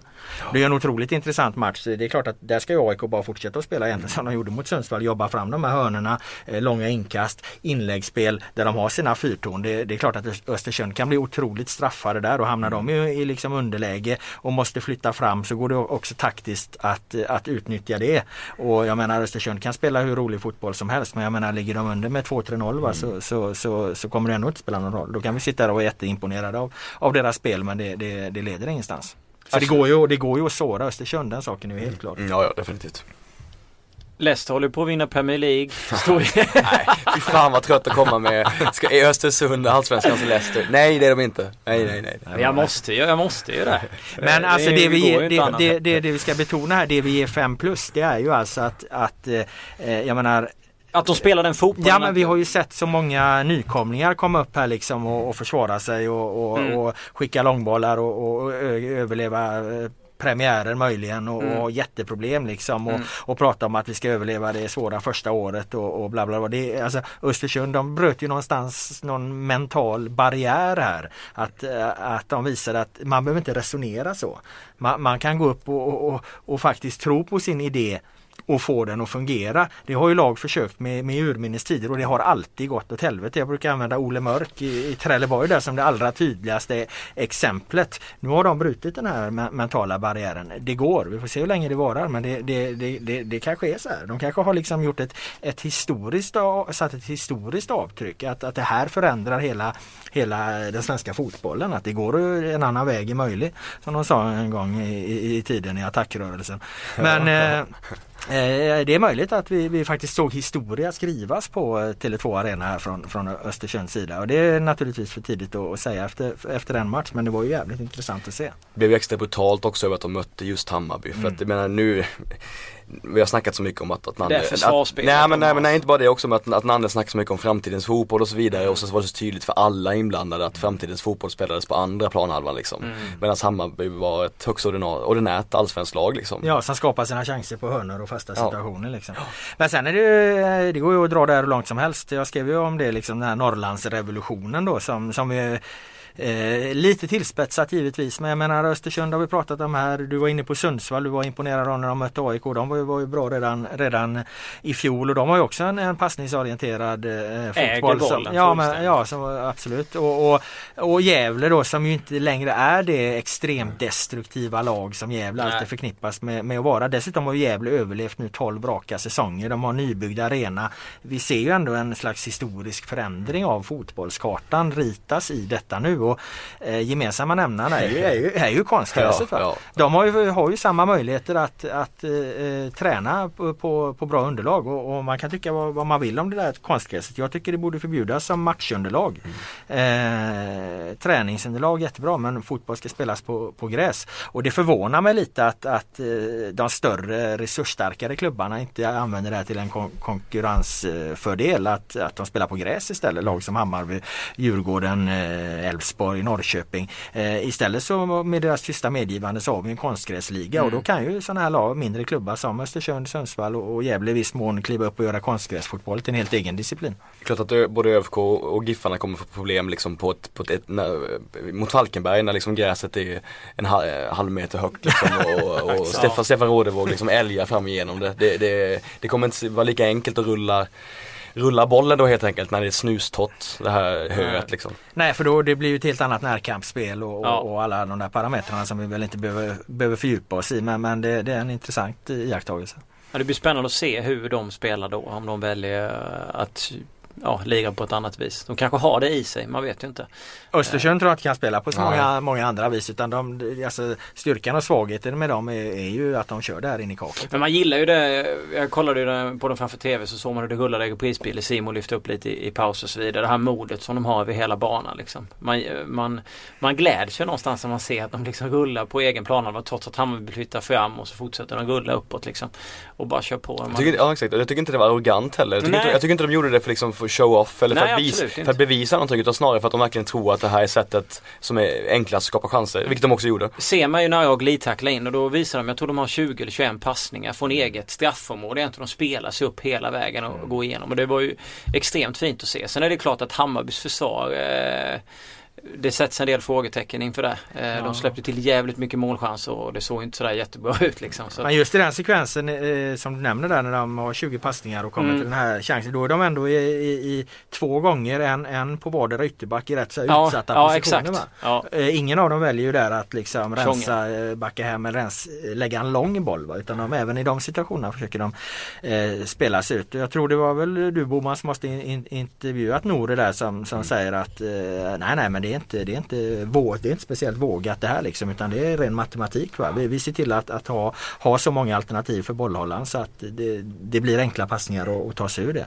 Eh, vi får se om han liksom, hur länge han kan upprepa det. Hur länge, för jag menar så fort Hammarby gör, gör lite taktiska förändringar i, i till andra mm. halvlek så, så får de ju större problem. Ja. De får fortfarande sina chanser eftersom de har väldigt skickliga individu spelare individuellt också mm. så de skapar ju fortfarande chanser men de inte alls så enkelt tar de sig till de lägena. Nej, det räckte ju med att Johan Persson haltade ut ja. för att det skulle bli lite mer, lite mer ordning. Ja, men han, var ju, han sprang runt skadad Han sprang runt med ljumskadad men ändå var Nanne tvungen att stoppa in liksom. Men jag tycker inte att det, det, spelar egentligen ingen roll för att det som var 5 plus med den här grejen det är just att de kliver in ja. där och gör det här ja. mot 31 000 åskådare som allsvensk debutant, som ja. allsvensk nykomling. Liksom. Det är det vi, vi, vi får ta med oss. Nu, nu ska det skrivas nya historier efter den här matchen men, men det överskuggar inte på något vis vad som faktiskt hände i den här premiären. Det, det var nästan som att se lite historia. Också roligt att vi som rikspress väljer att i första hand lyfta fram Östersund snarare än att såga Hammarby också. Det känns, det känns fräscht att kunna göra det ibland också. Verkligen. Jimmy Hopkut, Hopkut, heter han så? Dubbla ja, fakturer. Ja det var tråkigt. Han, är, han har ju varit, han har haft, tror jag, varit höftopererad tidigare och är egentligen en av deras bästa offensiva spelare men han har inte varit mm. med så mycket under försäsongen just på grund av det. Mm. Och han är jättesevärd och skulle vara hur bra som helst i det här ÖFK. Så det är jättetråkigt att han, att han förmodligen missar ganska många månader nu då. Han var väl bra i de här matcherna de mötte Hammarby i Superettan? Han var bra hela ja, året. Jo men det var, det var ju då man mest såg honom när man tittade liksom. Ja det snackades mest om han och Michael Åmo liksom och ja. ingen av dem har spelat särskilt mycket nu så det Nej. säger ju att det finns ju en viss bredd också. Mm. Jag skickar med en liten press på Östersund här för nu har vi hyllat dem så himla mm. mycket. Jag tror att de kommer släppa in tre, tre nickmål mot AIK på, på torsdag. Ja men prestationerna kommer... Ja. ja men... AIK, AIK kommer göra ett mål på hörna, ett mål på inlägg och, och, och, ett mål efter ett långt inkast. Ja men typ, men prestationerna kommer pendla jävligt mycket. Det blir 3-1 AIK då eller? Ja typ. Eh, möjligen 3-3. 3-3 tror jag är ett rimligare tips. Man kommer släppa in eh, tre mål på fasta situationer. Nu har vi eh, rullat på här alltifrån Lars Inge i början av podden fram till, till 5 plus. Är det någonting ni, ni mer vill ta upp som har hänt i den här första omgången som ni har funderat över?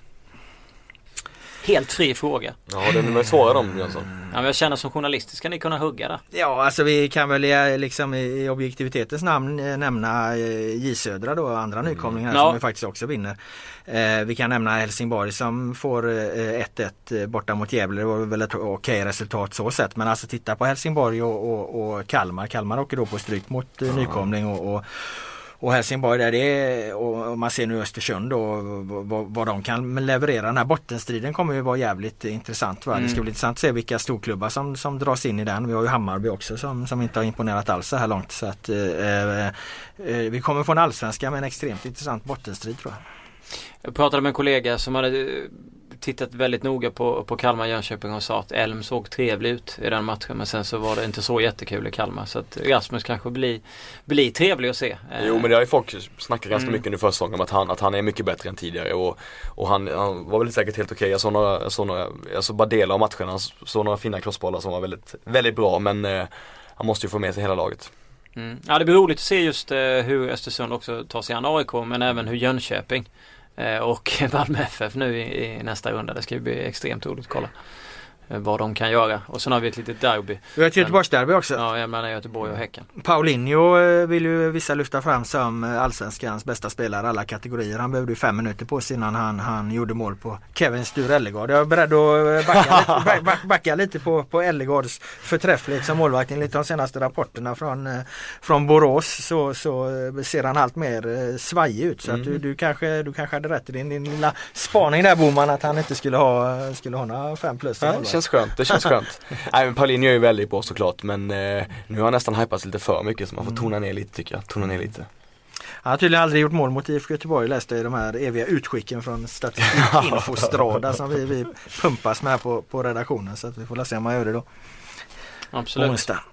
Ja, eh, IFK Göteborg mot Häcken, IFK Norrköping mot Kalmar, Jönköping Malmö är ju eh, samma kväll som ja, idag när podden kommer ut och sen har vi då en full, eh, nästan en full omgång känns det som efteråt. Det är väl fem, ja det blir en full omgång totalt där på, på torsdagen. Där, Fan, vi får spela in en ny podd på fredag innan med det här tempot. Ja, vi, måste, vi måste nästan ha två, tre poddar i veckan känner jag. För att kunna liksom eh, dra loss eh, hela den här biten. Eh, du ska upp och titta på Östersund? Mm, ja, ta flyget eh, torsdag morgon. Eh, ja, torsdag eftermiddag. det ska bli väldigt kul. Lite trist att det är så jävla komprimerat ändå. Ja, det hinner ju knappt ja. liksom eh, landa mellan matcherna så man får liksom nästan inget grepp om det när det, när det går så himla tätt där. Men jag menar så är ju tyvärr spelschemat. Ja, eh, vi har lite försnack inför den här och det är Peter Thorén som har eh, träffat eh, Tobias Hysén och kan prata om eh, lite allt möjligt inför eh, IFK Göteborg-Häcken.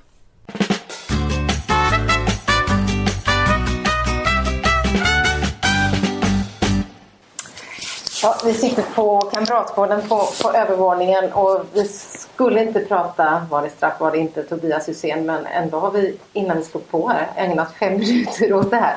Så vi klarar av det direkt då. Ja. ja du har sett eh, bilden i efterhand och ja. berätta bara din uh, känsla mot där och då och nu.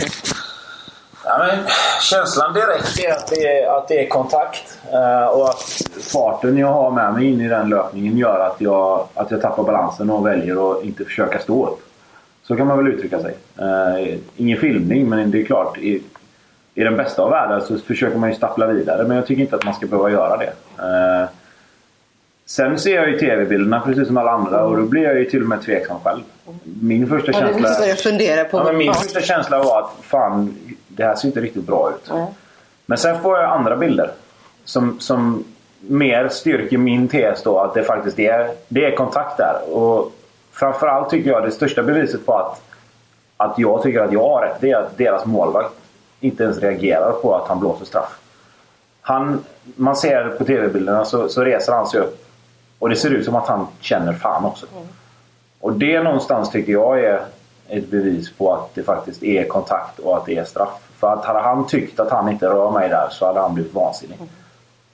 Och han säger ju efteråt att han, han, att han hanterar situationen lite dumt för han, han, han går ju mot sin bollbana liksom. Bollen rinner iväg så han, han söker ju sig dit, säger han ju också. Jo men det är klart, alltså, som målvakt där hade han ju kunnat skita i att stoppa ut händerna. Men å andra sidan så hade jag ju bara stoppat över då. Ja.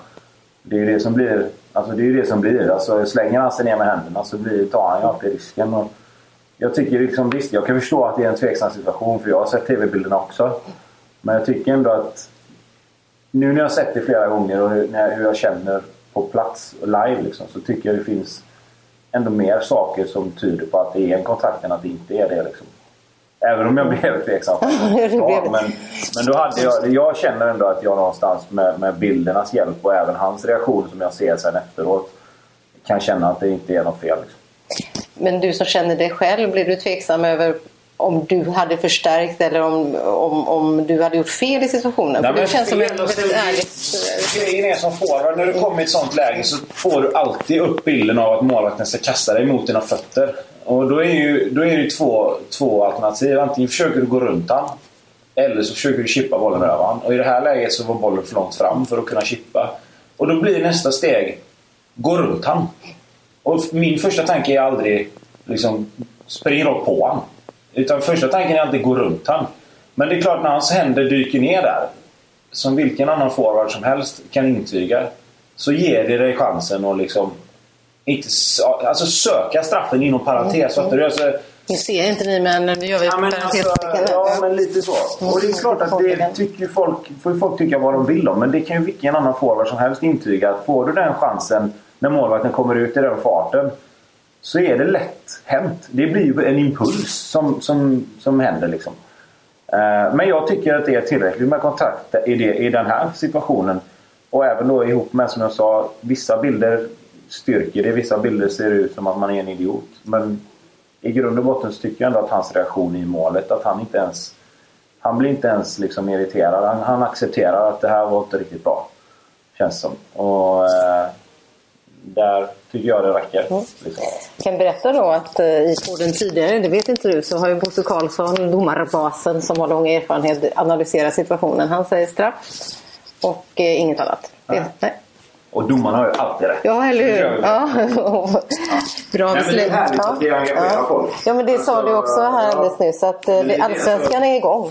Ja, ja visst. Och direkt så är det gnäll på allt och det är fel här och fel där. Och snygga mål och folk blir engagerade och passion för sina egna lag. Och, och det är precis så som det ska vara. Så att det, nu får vi se till att det blir diskussioner om bra grejer kanske, eh, mer än det här. Men eh, det, det är väl härligt att folk bryr sig om Allsvenskan trots allt. Blåvitt-Häcken, eh, en del säger att det inte är ett derby. Vad säger du? Ja, för mig blir det ju mer och mer derby. Alltså, det som, det som man ska komma ihåg var ju att det här snacket om att det inte var något riktigt derby, det var ju lite när Häcken var kanske ett litet jojo-lag. Det var, det var liksom upp och ner och Gais och ÖIS fanns alltid där i, i liksom, var också lite så upp och ner. Nu de senaste ja, tio åren har ju Häcken varit i Allsvenskan liksom. och, och etablerat sig som ett bra lag och liksom har en stark en stark förening bakom sig som, som börjar få den här kontinuiteten som behövs för att kunna liksom få, få ett, eh, ett litet, som man, som man säger, eh, mer erkännande eller vad man ska kalla det. Liksom. Eh, inte bara på planen utan, utan även runt omkring. Så att för mig är det väl ett derby absolut. Det är ju det derbyt vi har nu när inte Gais och ÖIS är, i Allsvenskan.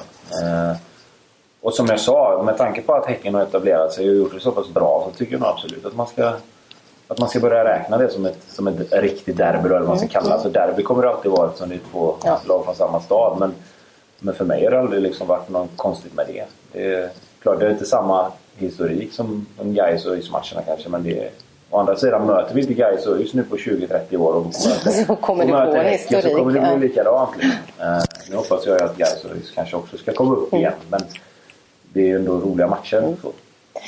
Eh, ett mål började du med nu mm. i Falkenberg. Eh, och vi blir säkert lite extra fokus på dig Paulinho. Ni är ju två potentiella skyttekungar där imorgon. Men hur är det då för egen del då? Vad behöver du komma upp i om, du ska vinna skytteligan? Och om det, jag vet inte om det är en målsättning för dig. Nej, men, alltså, det, var det finns sa, det. Men det var som jag sa när, när jag och Mattias Ranegi tampades 2011 var det väl. Alltså, då gjorde jag 16 mål. Och det var jag väldigt nöjd med. Men då gjorde han 21 och då gjorde han det bättre. Mm. Och gör jag 16 mål i år så kommer jag vara ganska nöjd med det. Och gör hon någon fler så är det bara att gratulera till en, till en ännu bättre säsong. Eh, men frågar du mig vad det krävs för att vinna skytteligan mm. så tror jag du måste upp mot en 17, 18, 20 mål mm. kanske. Mm. Det är ju trenden dit det har gått. Att, att runt 20-strecket har de ju legat. Eh, så att det, det tror jag nog att det, borde, det kommer nog krävas. Om du jämför det då, det här har vi, du har fått frågan om det sen du kom hem givetvis så man har undrat, finns rappheten kvar och är lika kvick i steget och lika snabb? Men, men om du själv skulle beskriva dig nu jämfört med, med 2013, vad, mm. vad är det som skiljer Tobias Hysén då? Eh, jag tror inte det skiljer så mycket i spel, eh, alltså i, i själva spelet. Eh, det som kommer att det som kommer att vara är ju att jag är två år äldre. Alltså med allt vad det innebär. Eh, nu kände jag mig jävligt rapp i, mm. i benen i Falkenberg. så det var, ut då, nej, men det, var, det, var, det var ett ganska skönt kvitto mm. med liksom att få. Eh, men det är klart att eh, jag har spelat tre matcher i veckan när jag var, när jag var 31. Men jag har aldrig gjort det som 34-åring. Så att jag vet ju inte hur, hur kroppen kommer reagera på det. Liksom. Eh, förhoppningsvis inte alls med tanke på att vi tränade nog ganska mycket på försäsongen. Men det är helt omöjligt att säga liksom. Eh, vilket och hur det påverkar. Blir det att man blir seg tredje matchen? Blir det att man blir trött nu? Eller blir det att man blir trött i omgång 10? Eller vad, hur, hur, hur funkar det? Så att eh, så fotbollsmässigt är jag inte alls orolig. Nej. Men det är klart att man ska, jag ska ha respekt för att jag blivit äldre. Så är det. Och få vara ännu mer noggrann. Och, och ta hand om mig ännu bättre. Liksom. Så är det ju absolut. Så det, det, det är ju bara en fakta. Mm. Du sa att det är skillnad på dig, vilket det är på oss alla när vi blir äldre. Mm. Men eh, två år eh, skillnad i ålder men också en annan erfarenhet av att ha bott i Kina och sådär. Mm. Vad, vad, vad har du plockat med dig därifrån? Kultur och mentalitet eh, från Kina? Vad, vad tar du med dig hem till Göteborg?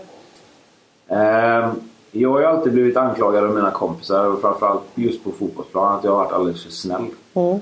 Uh, jag ska inte bli någon, någon gris på plan. Uh, även om halva Sverige tycker det. Men, uh, men, nej, men jag, nej, men jag kan väl bli lite mer sådär att fan, kanske ta för mig lite mer i vissa andra situationer inte kanske vara den som...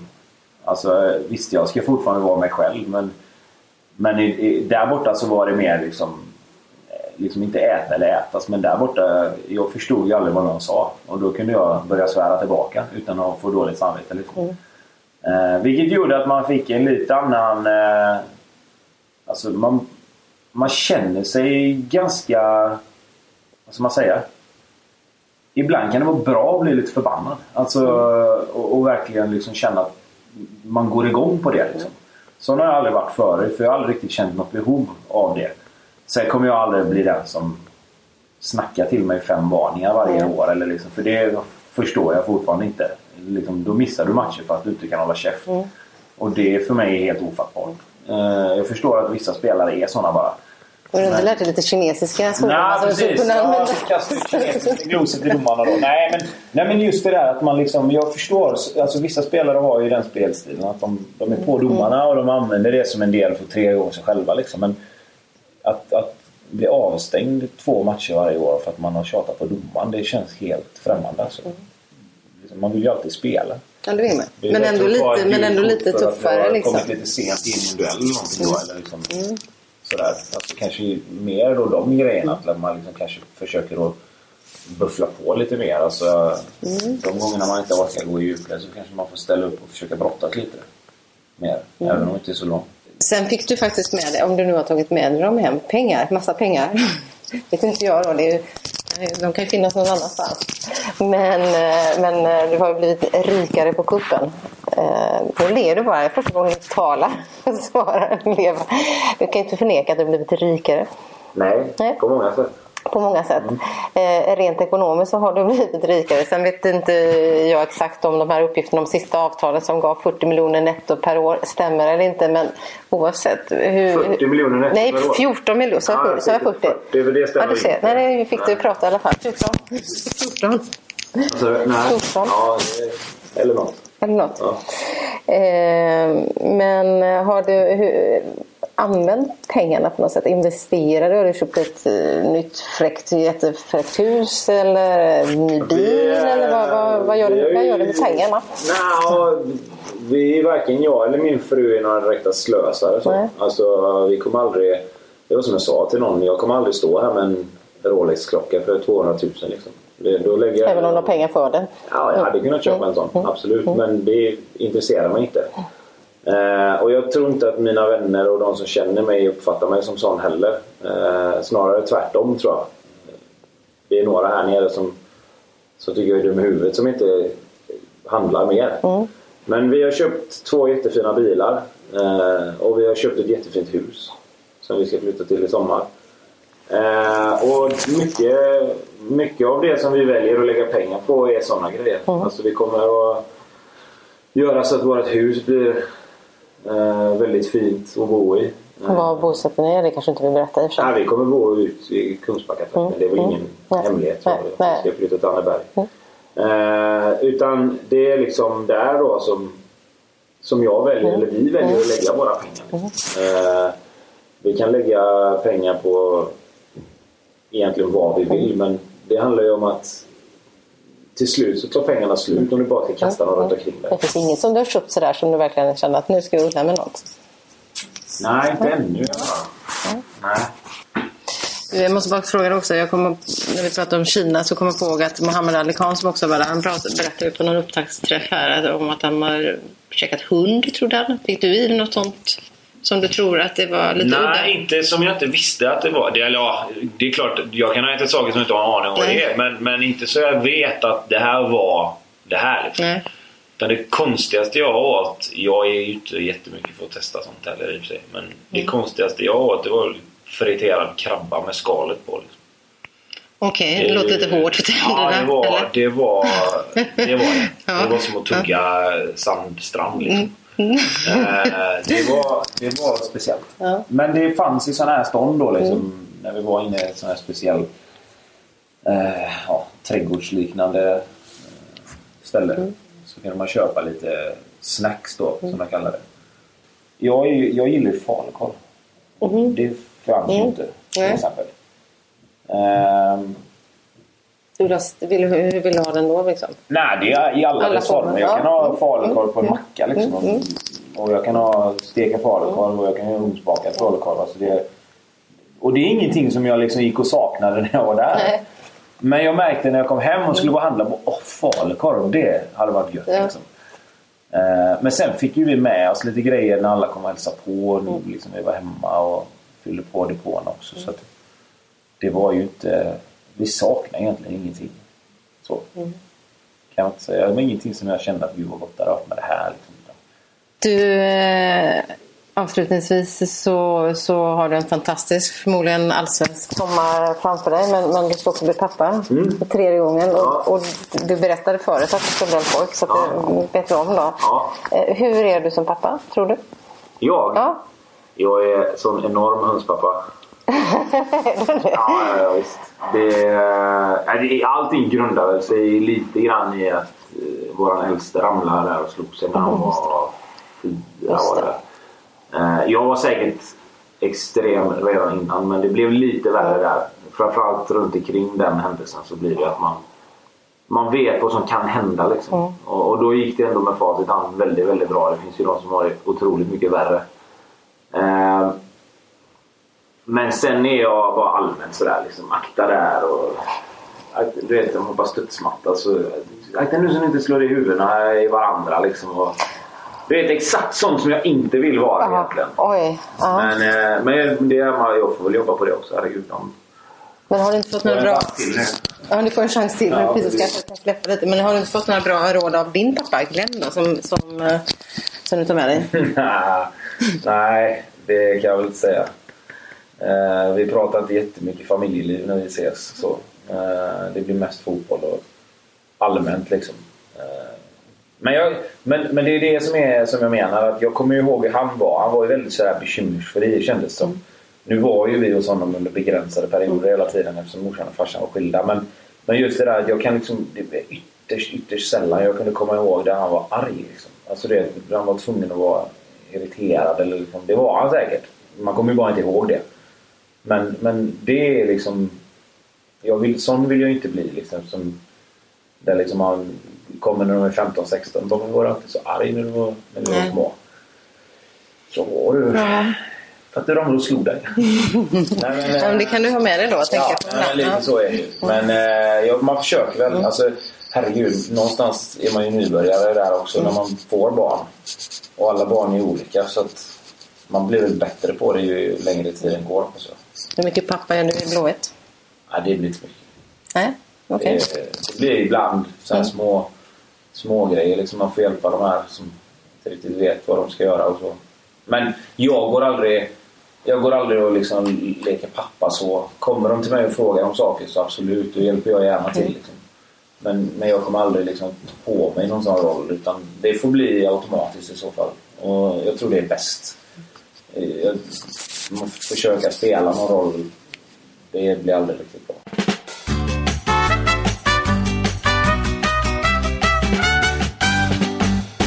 Petra Thorén och Tobbe Hysén hörde ni där. Eh, slutligen innan vi rundar av här lite, nästan 70 minuters podd. Det blir alltid mm. långt och gött. Eh, vad ser vi fram emot mest här? Vi börjar med eh, Boom Boom Boman. Jag ser fram emot mest ifall Östersund kan hantera AIKs extremt kraftfulla fotboll. Ja nu snodde han den från mig. För jag, jag, jag, jag, ser fram emot om jag, om jag får in mitt eh, tips här att AIK gör tre mål på fasta situationer på nick mot eh, Östersund. Det ska, bli, det ska bli kul att se om, om, om jag får in den. Tackar vi för den här veckan. Tack tack. Om en vecka tack. Igen.